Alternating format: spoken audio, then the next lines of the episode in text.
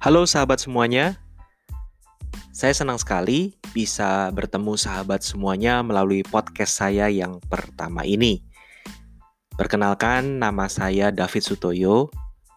Sahabat saya memanggil saya David. Ada juga yang memanggil Dave, tapi rata-rata memanggil David. Saya berprofesi sehari-hari sebagai seorang financial planner, perencana keuangan.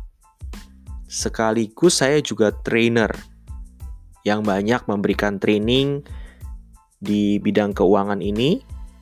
Terus training-training yang ada hubungannya dengan marketing karena background pendidikan saya juga ada marketing. Sekaligus saya juga memberikan training yang hubungannya dengan public speaking.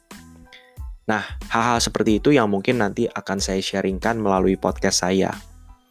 Tapi di awal dari podcast saya yang pertama ini, saya akan lebih banyak bercerita dan sharing kepada sahabat semuanya mengenai konsep perencanaan keuangan keluarga. Saya berharap dengan saya sharing ini, mungkin ada keluarga-keluarga yang terbantu. Sekaligus, sharing saya juga saya dedikasikan untuk para klien saya yang sudah setia menjadi klien saya dan memberikan kepercayaan yang sangat besar buat saya untuk membantu merencanakan keuangan keluarga mereka. So, sekali lagi buat sahabat semuanya yang baru berkenalan, saya berterima kasih banyak.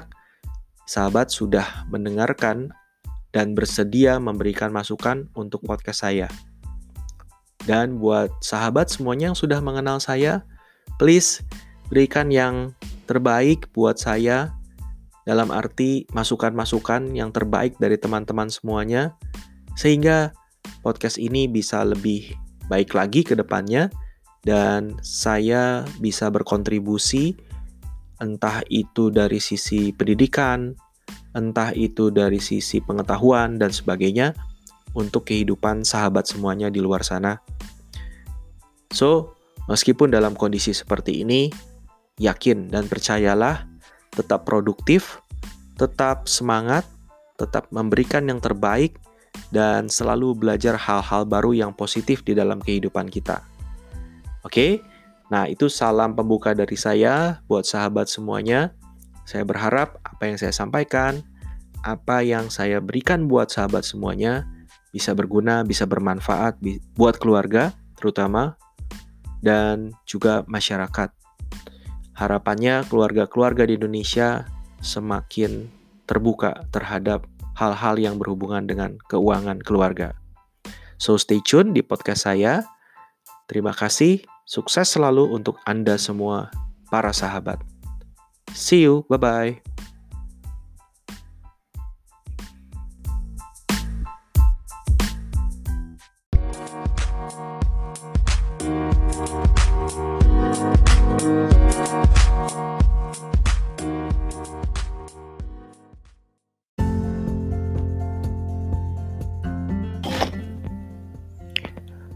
Nah, berikutnya saya ingin sharing sedikit mengenai apa sih sebenarnya perencanaan keuangan itu. Jadi, sahabat semuanya, perencanaan keuangan itu sebenarnya adalah hal yang sederhana, bukan seperti kita belajar keuangan pada umumnya. Mungkin di kepala sahabat ada yang belajar mengenai financial management atau masalah yang hubungannya dengan keuangan corporate. Nah, di sini saya lebih membahas kepada keuangan keluarga yang lebih simpel, lebih sederhana, dan cakupannya itu tidak seluas kalau kita belajar keuangan pada umumnya. Jadi nanti saya akan mengajak sahabat semuanya untuk melihat bagaimana sih langkah-langkah merencanakan keuangan. Mulai dari awal, menentukan tujuannya dulu. Seperti pada contohnya, kalau kita mau sekolahin anak, misalnya target kita adalah menyekolahkan anak di luar negeri. Berarti kita udah harus tahu nih, tujuannya di negara apa, mau di sekolah yang mana, mungkin fakultasnya fakultas apa. Dari awal kita sudah tahu tujuannya. Sehingga dengan kita tahu tujuannya itu, akan lebih mudah bagi kita untuk setting plan-plan berikutnya atau rencana-rencana berikutnya seperti produk apa sih yang cocok untuk kita ambil dalam merencanakan tujuan tersebut. Nah, setelah teman-teman sudah tahu tujuan, jangan lupa juga para sahabat lihat juga saat ini sahabat sudah memiliki apa untuk mencapai tujuan tersebut. Misalnya, aset berupa liquid money, berupa rumah, berupa emas, atau berupa hal-hal lain yang sifatnya memang berupa aset. Misalnya, saham di sebuah perusahaan.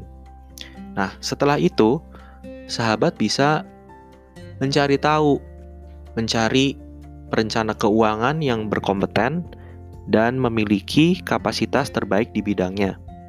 Sahabat bisa menanyakan produk apa sih yang cocok dan sesuai dengan tujuan keuangan tersebut. Jadi kalau bisa tujuan keuangan itu memang sahabat sudah gali dulu di dalam keluarga, mungkin bersama pasangan atau mungkin dengan orang tua. Buat sahabat yang mungkin masih single, ya bicaralah dengan orang-orang yang Anda anggap memiliki hubungan paling dekat dengan kehidupan Anda. Nah, dari situ kalau sudah memiliki produknya, sudah memiliki financial planner-nya, dari situ sahabat bisa melanjutkan untuk mengambil produknya, mengambil yang namanya instrumen atau produk yang berhubungan dengan tujuan tersebut. Setelah itu jangan lupa dievaluasi. Minta bantuan financial planner tersebut untuk mengevaluasi secara berkala tujuan-tujuannya itu sudah tercapai belum secara bertahap. Ya, mungkin tujuannya untuk 10 tahun ke depan, 15 tahun ke depan, atau mungkin tujuan jangka pendek, sekitar lima tahun atau enam tahun ke depan. Oke, nah itulah tujuan dan hal-hal yang terkait di seputar pemikiran dasar mengenai perencanaan keuangan. Harapan saya, sahabat semuanya memahami dari awal bahwa perencanaan keuangan itu tujuannya adalah yang terbaik menurut saya pribadi ya, adalah bagaimana supaya keluarga kita itu bisa selamat dari kondisi ekonomi apa pun. Dalam contoh seperti sekarang, kondisi ekonomi yang sangat menantang.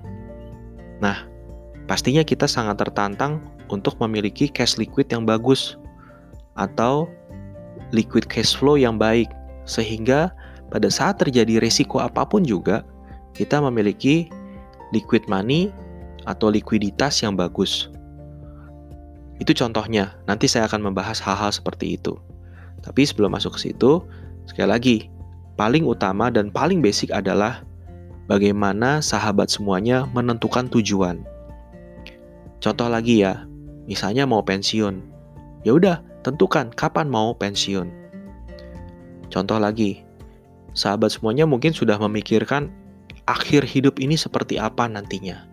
Saya mau memberikan warisan berapa besar buat keluarga saya mau memberikan yang namanya wakaf, entah itu untuk pembangunan sekolah, pembangunan masjid, atau saya ingin berderma di akhir hidup saya. Misalnya, saya ingin berderma 500 juta, 1 miliar. Nah, itu semua sudah menjadi tujuan di dalam perencanaan keuangan keluarga kita. Jadi, hal-hal seperti itu kalau sudah tahu tujuannya, sudah tahu targetnya dan goalnya seperti apa, pasti akan jauh lebih mudah bagi seorang perencana keuangan untuk memikirkan instrumen apa yang paling tepat untuk mencapai goal tersebut. Oke, dari saya itu dulu mengenai konsep dasar pemikiran mengenai perencanaan keuangan. Oke, sampai ketemu di episode berikutnya The Simple Secret to Financial Freedom Part 2. See you, bye-bye.